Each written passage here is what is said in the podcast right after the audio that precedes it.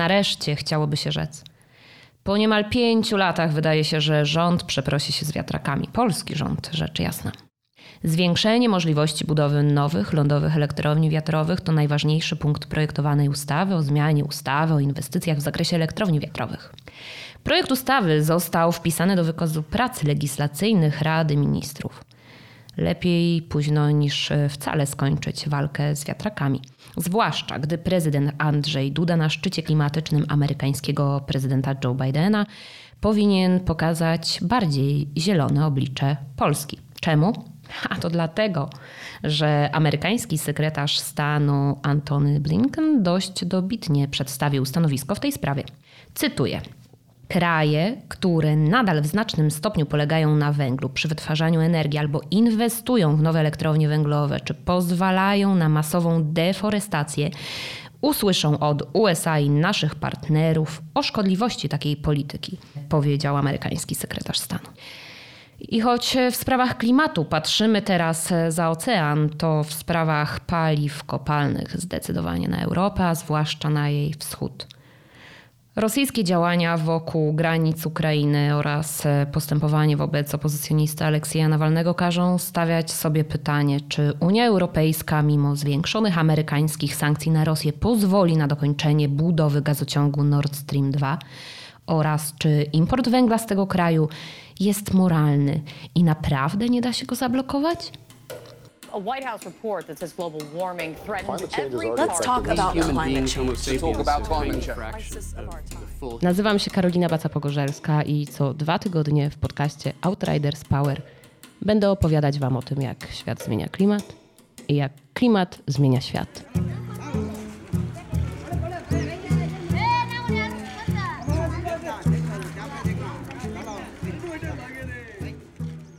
No ale podsumujmy ostatnie wydarzenia w Outriders, a konkretnie w Outriders Power. Nasza ekipa wróciła właśnie z 11-dniowej wyprawy. Byliśmy na Górnym i Dolnym Śląsku, w Małopolsce i na Lubelszczyźnie. Choć był to naprawdę bardzo ciężki wyjazd, zrobiliśmy bowiem 3561 km i z tego miejsca pozdrawiam Stanisława Pawełka, który na Discordzie najtrafniej wytypował naszą trasę. To w zasadzie dopięliśmy trzy z projektów towarzyszących powstawaniu naszego filmu dokumentalnego o zmierzchu górnictwa węglowego w Polsce i na świecie. Pod koniec kwietnia zresztą poznacie część efektów naszej pracy z Jakubem Górnickim i Filipem Reznerem.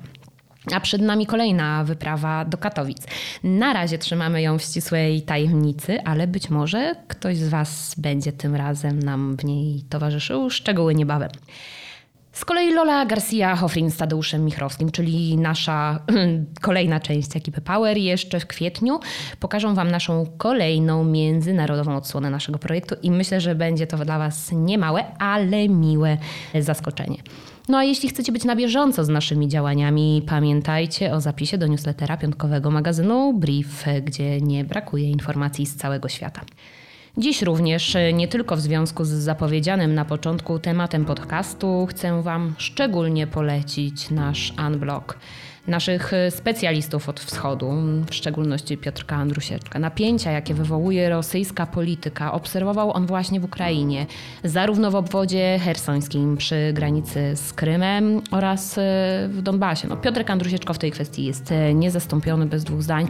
Niebawem na Unblocku Kolejny film, który Piotrek nakręcił podczas swojego ponadtygodniowego pobytu w tej części Ukrainy. Mam nadzieję, że będziecie go oglądać, bo bardzo potrzebujemy Waszego wsparcia na YouTubie. Przekroczenie 10 tysięcy obserwujących, gdzie już jesteśmy bardzo blisko, pozwala nam na nowe zarządzanie naszym kontem, a jest to bardzo ważne w kontekście gry o tej samej nazwie Outriders, która weszła na rynek 1 kwietnia.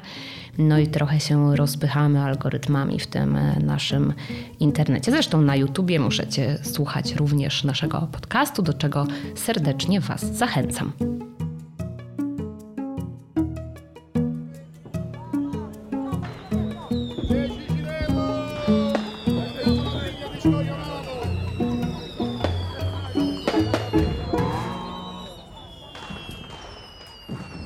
Wracamy jednak do głównych tematów e, trzeciego odcinka podcastu Outriders Power. Na samym początku była dobra wiadomość, czyli rząd przeprasza się e, z wiatrakami. Mm, no świetnie, po pięciu latach e, lepiej późno niż wcale, niż lepiej późno niż później, a teraz już bez ironii wyjaśnię, dlaczego jest to takie istotne. Ustawa odległościowa, która została uchwalona w 2016 roku, praktycznie zahamowała inwestycje w lądowe farmy wiatrowe, bo tych morskich na Bałtyku jeszcze nie mamy. Pierwszy pierwsza w ogóle e, ma zostać uruchomiona w 2025 roku, więc nie mówmy na razie, że tam ktoś w czymś komukolwiek przeszkadzał. Mówimy tutaj o lądowych farmach wiatrowych, które przestały się budować. Dlaczego tak się stało i z czego to wynika? Na koniec 2020 roku, jak wynika z danych Urzędu Regulacji Energetyki, moc zainstalowana w odnawialnych źródłach energii w całej Polsce wynosiła niemal 10 gigawatów. Czy to dużo, czy mało? No, weźmy sobie pod uwagę cały system e, i moce zainstalowane w Polsce to 50 gigawatów. W związku z tym 10 gigawatów z odnawialnych źródeł energii jest to już znacząca e, moc. W ubiegłym roku rzecz jasna przybywało jej tak dużo dzięki programowi Mój Prąd, który wspierał rozwój mikroinstalacji fotowoltaicznych na dachach naszych e, domów. Ale jeżeli popatrzymy na to, co działo się z mocami wiatrowymi, czyli z energią wytwarzaną e, przez wiatraki na lądzie, wiatraki onshore, no to hmm, nie jest dobrze. Moce zainstalowane w tych e, źródłach wytwarzania praktycznie od lat stoją w miejscu. O ile jak wynika z danych URE w latach 2011-2016 mieliśmy przyrost tych mocy z 1,62 GW do aż 5,8 GW, czyli to był wzrost o ponad 4 GW w tym e, czasie 2011-2016. Tak od 2016 roku do końca 2020 roku przybyło jedynie w tych źródłach wytwarzania pół gigawata, co oznaczało mniej więcej około 6,3 GW mocy wiatrowych na koniec ubiegłego roku. Wspomniałam tutaj o słynnej ustawie odległościowej, zwanej też ustawą antywiatrakową przez niektórych. Ustawa ta wprowadzona w 2016 roku spowodowała zatrzymanie inwestycji e, w lądowe wiatraki z tego powodu, iż ustaliła właśnie przepis odległościowy polegający na tym, że nie można postawić takiej farmy wiatrowej w odległości mniejszej niż dziesięciokrotność wysokości masztu y, wiatraka od zabudowań mieszkalnych. No w praktyce, jeżeli przyjmiemy, że taka y, wieża wiatraka na lądzie ma powiedzmy 100 metrów wysokości, no to dziesięciokrotność oznacza minimum kilometr od zabudowań mieszkalnych. To spowodowało, że tych lokalizacji dla lądowych farm wiatrowych zrobiło się bardzo mało, no bo też to nie jest tak, że farmy wiatrowe stawia się po prostu na pierwszej wolnej e, przestrzeni. Przecież tu chodzi też o warunki wietrzne i tak dalej. E, no i wreszcie tutaj ktoś uderzył się w pierś, powiedział: OK, no skoro nie osiągnęliśmy unijnego celu odnawialnych źródeł energii na rok 2020, miało być to 15% wytwarzania energii brutto, a to nie wyszło, hmm, to może jednak czas przeprosić się z wiatrakami zamiast z nimi walczyć.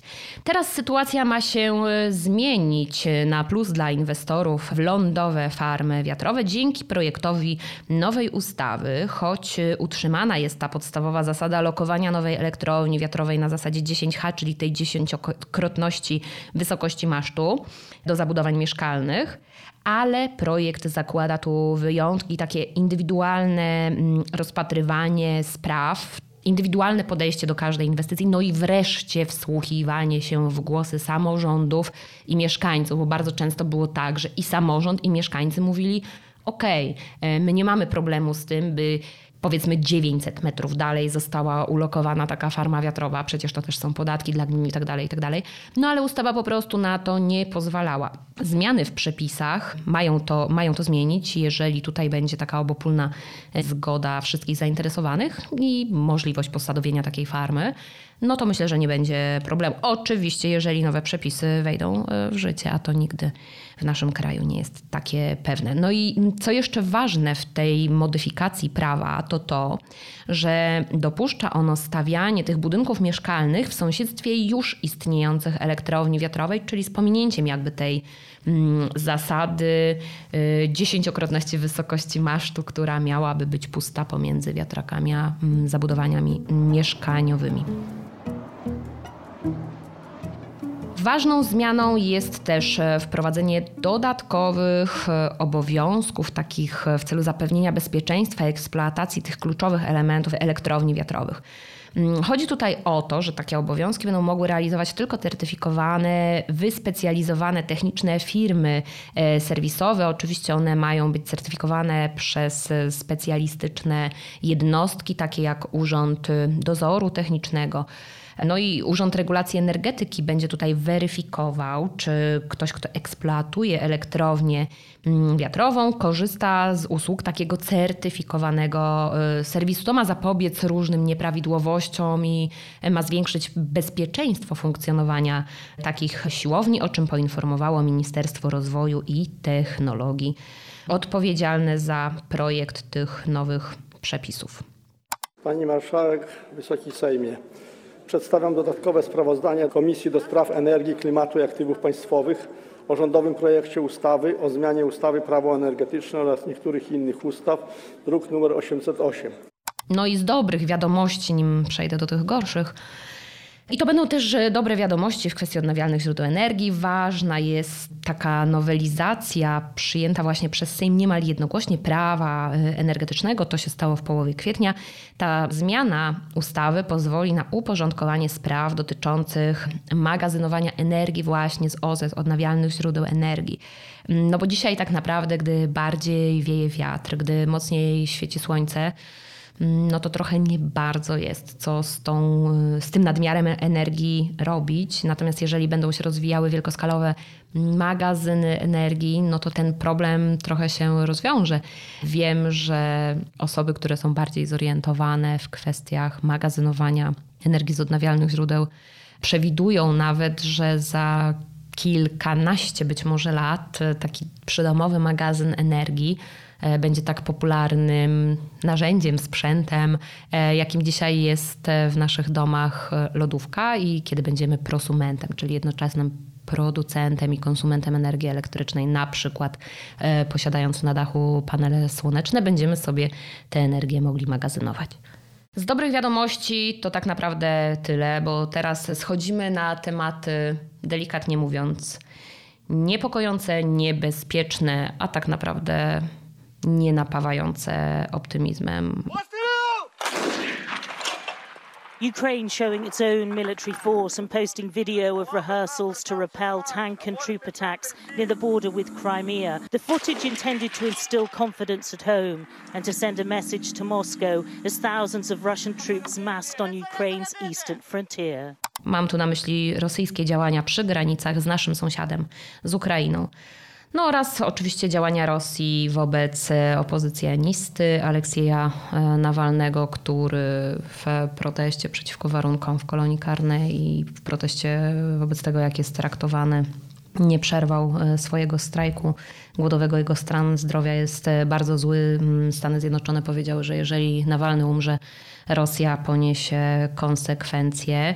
I tutaj oczywiście polecam kolejny raz e, śledzenie publikacji mojego redakcyjnego kolegi Piotrka Andrusieczko na naszym Unbloku. Nie chcę tutaj go wyręczać, a ja chciałabym jedynie spojrzeć na tę tematykę właśnie bardziej z punktu widzenia ekipy Power, czyli bardziej energetycznie. Na ukończeniu jest kontrowersyjny gazociąg Nord Stream 2 z Rosji do Niemiec z pominięciem m.in. Polski, ale to nie tylko Polska protestuje czy protestowała przeciwko tej inwestycji, która traktowana jest zdecydowanie bardziej e, politycznie, a nie energetycznie. Szczerze mówiąc, obserwując to, co się dzieje, myślę sobie, że kanclerz Niemiec Angela Merkel ma gdzieś naprawdę twardy orzech do zgryzienia, bo już e, jej rodacy zauważają, co tak naprawdę znaczy budowa Nord Stream 2 w kontekście mm, obecnej sytuacji politycznej. Przypomnijmy, że Stany Zjednoczone nałożyły na Rosję kolejne sankcje, między innymi zastraszenie e, Ukrainy i to grupowanie wojsk, prężenie muskułów przy granicy. The sanctions also respond to unconfirmed intelligence, alleging Russia offered bounties as high as $100,000 for killing U.S. soldiers in Afghanistan. Intelligence officials haven't confirmed the Russia bounty program. Still, the White House says We, of course, will not stand by and accept the targeting of our personnel by any elements, including a foreign state actor. This information really puts the burden on Russia and the Russian government to explain uh, their engagement here. No i właśnie, czy to jest tylko prężenie mózgów przez Władimira Putina, czy czeka tylko na dogodny moment, y, żeby pójść y, jeszcze krok dalej, a tak naprawdę o krok za daleko. Choć tak naprawdę z mojego punktu widzenia o krok za daleko to on poszedł już w roku 2014, ale to moje prywatne zdanie.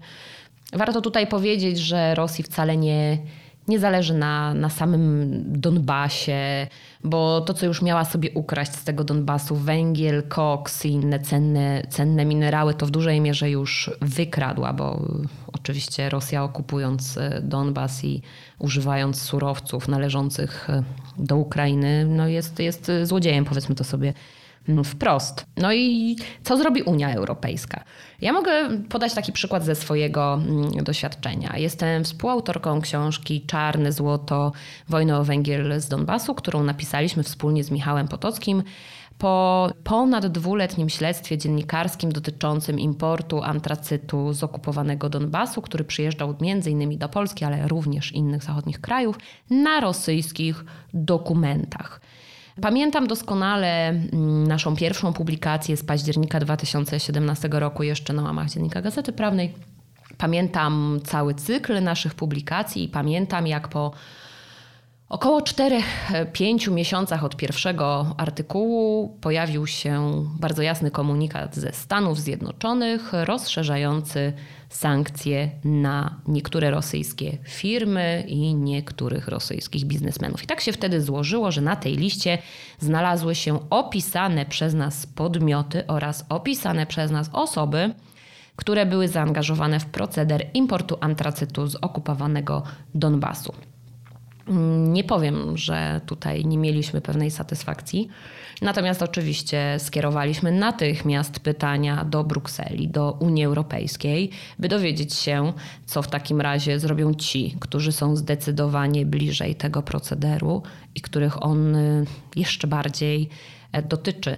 Przez wiele miesięcy, pamiętam, e, europoseł Jarosław Wałęsa próbował uzyskać odpowiedź na pytanie, czy da się coś w tej kwestii zrobić, jeśli chodzi o dodatkowe sankcje na Rosję. Dopiero po wielu miesiącach nacisków ówczesna wiceszefowa Komisji Europejskiej Federica Mogherini odpowiedziała na jego pytania w taki sposób, e, hmm, my na to mówimy spychologia stosowana i była to spychologia stosowana, bo odpisała, że tak naprawdę to w gestii poszczególnych państw wspólnoty e, leżą takie decyzje. E, no nie jest to do końca prawda, ale myślę, że o tym za, za chwilę powiem. Z kolei, kiedy w polskim Sejmie pojawiały się interpelacje poselskie dotyczące kwestii opisywanej przez nas z Michałem Potockim, to odpowiedzi od, odpowiedzialnych wówczas ministrów były mniej więcej takie, że e, no tak, e, tak, ale to powinna być jednak decyzja całej wspólnoty. No, ciężko mi tutaj bez emocji mówić e, o tej sprawie, która, która kosztowała mnie prawie 3 lata życia i Michała Potockiego też, bo tylko my wiemy, ile wysiłku kosztowało nas ujawnienie tego karygodnego e, procederu, bo nazwijmy rzecz po imieniu. Rosja, która okupuje ukraiński Donbas, wydobywa tam węgiel, wydobywa tam antracyt, najbardziej energetyczny węgiel. Potem sprzedaje go jako swój na rosyjskich dokumentach do innych krajów, jest złodziejem, a każdy, kto kupuje od złodzieja, jest paserem. I jeżeli ten argument y, nie przemawia do urzędników na jakimkolwiek szczeblu, no to ja nie wiem, jakich innych argumentów e, trzeba używać, by Unia Europejska wyraziła coś więcej niż głębokie zaniepokojenie. The EU extends its sanctions on Russia. European leaders say Moscow isn't keeping up its end of a ceasefire deal in Ukraine. But are the sanctions working? And what hope is there now to end the conflict? I Unia Europejska, mimo twardych dowodów, zarówno w naszych publikacjach, jak i później po nich, nie podjęła tak naprawdę żadnych działań wobec e, Rosji, jednocześnie pozwalając jej bez e, problemu, e, mimo sprzeciwu między innymi Polski, tak jak powiedziałam, kończyć gazociąg Nord Stream 2. Pamiętam doskonale cały proces inwestycji. Pamiętam, ile było prób jej blokowania, oprotestowania. No, wygrywa silniejszy, jak się okazuje.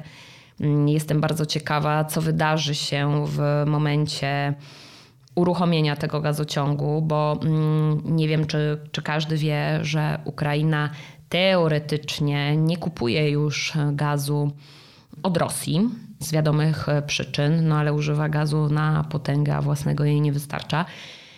Ukraina kupuje jakby gaz od y, Niemiec, z Niemiec. Y, jest to tak zwany rewers, czyli Niemcy kupują ten gaz od Rosji i wysyłają go na Ukrainę. No, ja wiem, jak to, jak to może brzmieć i wyglądać y, z boku, gdy ktoś w tym nie siedzi, no ale to jest właśnie ten nieszczęsny styk energetyki i polityki, a może polityki, energetyki, tego przesiąkania się wzajemnego, e, tych współzależności i pokazujących no, że jednak energetyka jest bardzo strategiczną gałęzią dla, dla każdego państwa i powinna być pod bardzo, bardzo szczególnym nadzorem. Wrócę jeszcze do tej okupacji e, Donbasu.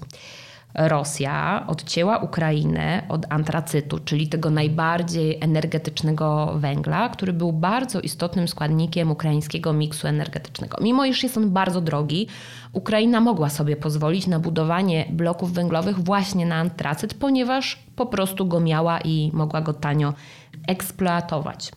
Rosjanie wchodząc na Donbas doskonale jakby zmapowali sobie kopalnie antracytowe i tak się złożyło, że wszystkie praktycznie kopalnie antracytu, którego Ukraina potrzebowała do um, produkcji energii elektrycznej w swoim kraju, wszystkie te kopalnie zostały po stronie okupowanej. To wymusiło na Ukrainie bardzo duże zmiany w miksie energetycznym i nadal je wymusza, bo hmm, no, jeżeli Rosjanie zdecydują się na zakręcenie kurka z gazem Niemcom, no to oczywiście ucierpi również na tym Ukraina, która jak wspomniałam kupuje przez rewers e, ten e, właśnie gaz z Niemiec. Tak naprawdę jest to, jest to gaz rosyjski. A Polska? Polska od lat e, skutecznie i co powinno nas wszystkich e, cieszyć ponad jakimikolwiek e, politycznymi podziałami. Polska sukcesywnie zmniejszała i zmniejsza dostawy gazu ziemnego z kierunków wschodnich, między innymi właśnie dzięki zwiększeniu dostaw gazu skroplonego, czyli LNG, który przypływa do nas takimi wielkimi metanowcami do terminala w Świnoujściu. Ale trzeba pamiętać o jeszcze jednej rzeczy. W 2022 e, roku kończy nam się tak zwany kontrakt jamalski. To niekorzystny, wieloletni kontrakt na dostawy gazu do Polski właśnie z Rosji. Polskie władze już od dłuższego czasu dają do zrozumienia i to wprost, że my, Polska, nie chcemy przedłużenia tego kontraktu i chcemy jak najbardziej uniezależnić się od gazu rosyjskiego, a tak w praktyce docelowo w ogóle się od niego uniezależnić, bo na jesień przyszłego roku planowane jest oddanie gazociągu Baltic Pipe. Co to jest Baltic Pipe? To jest taki rurociąg, który poprowadzi do Polski gaz z Norwegii poprzez Danię. Te wolumeny dostaw mają być na tyle duże, że w połączeniu z krajowym polskim wydobyciem oraz ze, z dostawami gazu skroplonego, czyli LNG, będziemy w stanie absolutnie uniezależnić się od gazu z Rosji. I taka mała uwaga, gdyby wcześniej ta inwestycja została zrealizowana, bo proszę pamiętać, że rząd Jerzego Buzka podpisał e, stosowną umowę z Norwegami na budowę tego rurociągu, no to pewnie on już by działał i bylibyśmy dzisiaj w zupełnie innym miejscu tej dyskusji, no ale kolejny rząd e, później tę umowę anulował. No i mamy to, co mamy, a zapewne e, w kwestiach przynajmniej gazowych mielibyśmy e, mniejszy ból głowy niż obecnie.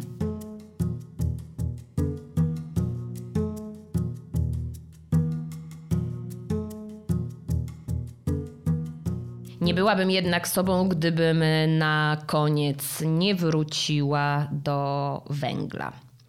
E, przejrzałam sobie hmm, najnowsze, hmm, najnowsze, haha, dane Eurostatu, ale no, mm, jak wiadomo, te dane statystyczne spływają z pewnym opóźnieniem.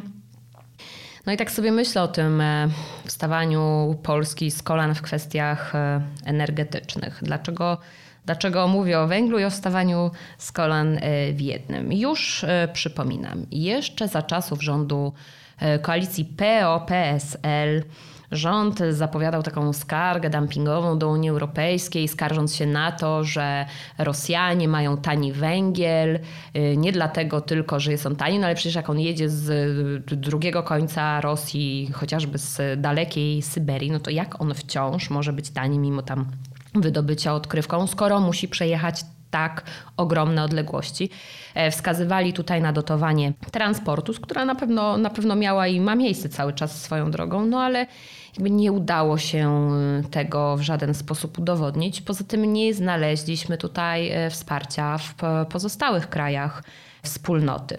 E, no, z kolei, kiedy władza się zmieniła, Zjednoczona Prawica, Prawo i Sprawiedliwość zapowiadały embargo na węgiel z Rosji albo obłożenie go jakiś, jakimś cłem. Y, już mówię, dlaczego nie jest to możliwe. Po pierwsze, takie decyzje musiałaby podjąć cała Unia Europejska, jak wspomniałam, nie była tym zainteresowana, a po drugie Rosja jest przecież również członkiem Światowej Organizacji Handlu, w związku z tym bardzo ciężko by było utrzymać takie opłaty dodatkowe czy zakaz y, sprowadzania czarnego złota właśnie z tego kraju. Natomiast Czemu te, czemu te próby się nie powiodły? No, przede wszystkim dlatego, że Polska była w nich sama. No, musimy pamiętać o tym, że Niemcy, którzy zamknęli już e, wszystkie swoje kopalnie węgla kamiennego, bo brunatny wydobywają cały czas na potęgę, no to nie pozamykali swoich e, bloków e, spalających tenże węgiel kamienny, w związku z czym go importują, a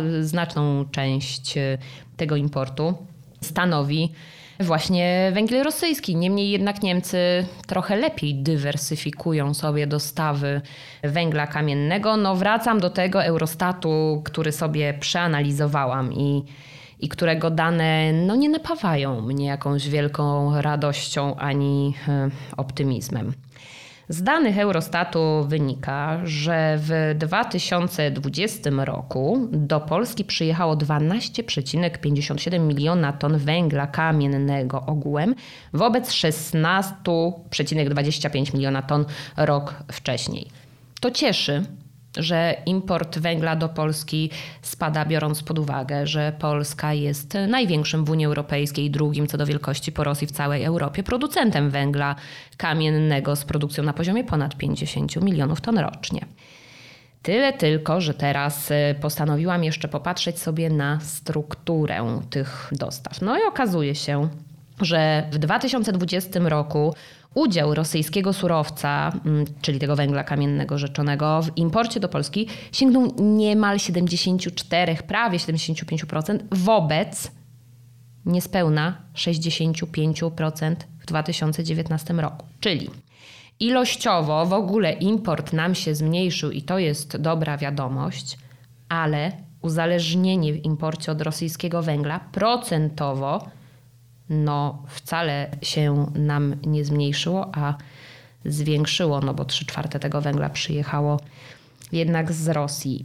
No jeżeli to ma być to takie nasze energetyczne uniezależnianie się od y, Moskwy, to średnio to widzę i mam nadzieję, że ulegnie to zmianie i bardzo bym chciała, żeby Unia Europejska nie tylko wyraziła ogromne zaniepokojenie tym, co dzieje się za naszą i polską, i unijną wschodnią granicą, ale jednak podjęła jakieś e, konkretne działania, nawet jeżeli kosztem tego miałoby być nieuruchomienie w efekcie e, gazociągu Nord Stream 2.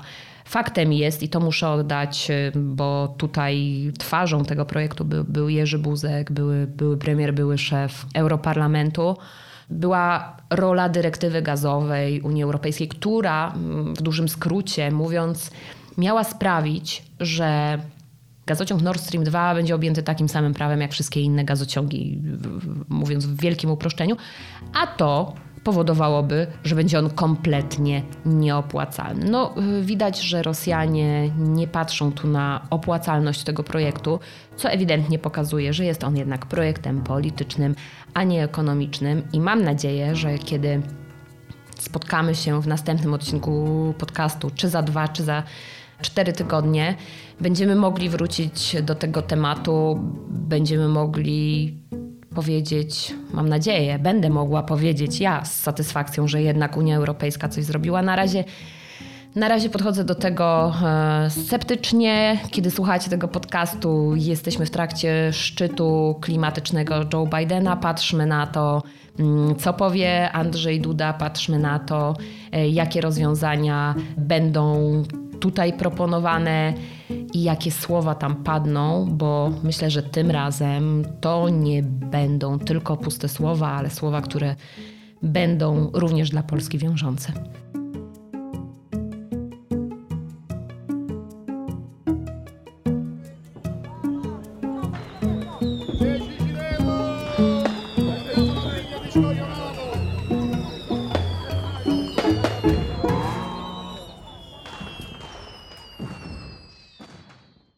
Tak, e, moi drodzy, minęło nam ponad 30 minut e, trzeciego odcinka naszego podcastu Outriders Power. Bardzo się cieszę, że z nami jesteście. Piszcie do mnie. Dzielcie się uwagami, bo ja cały czas e, eksperymentuję w tym podcaście.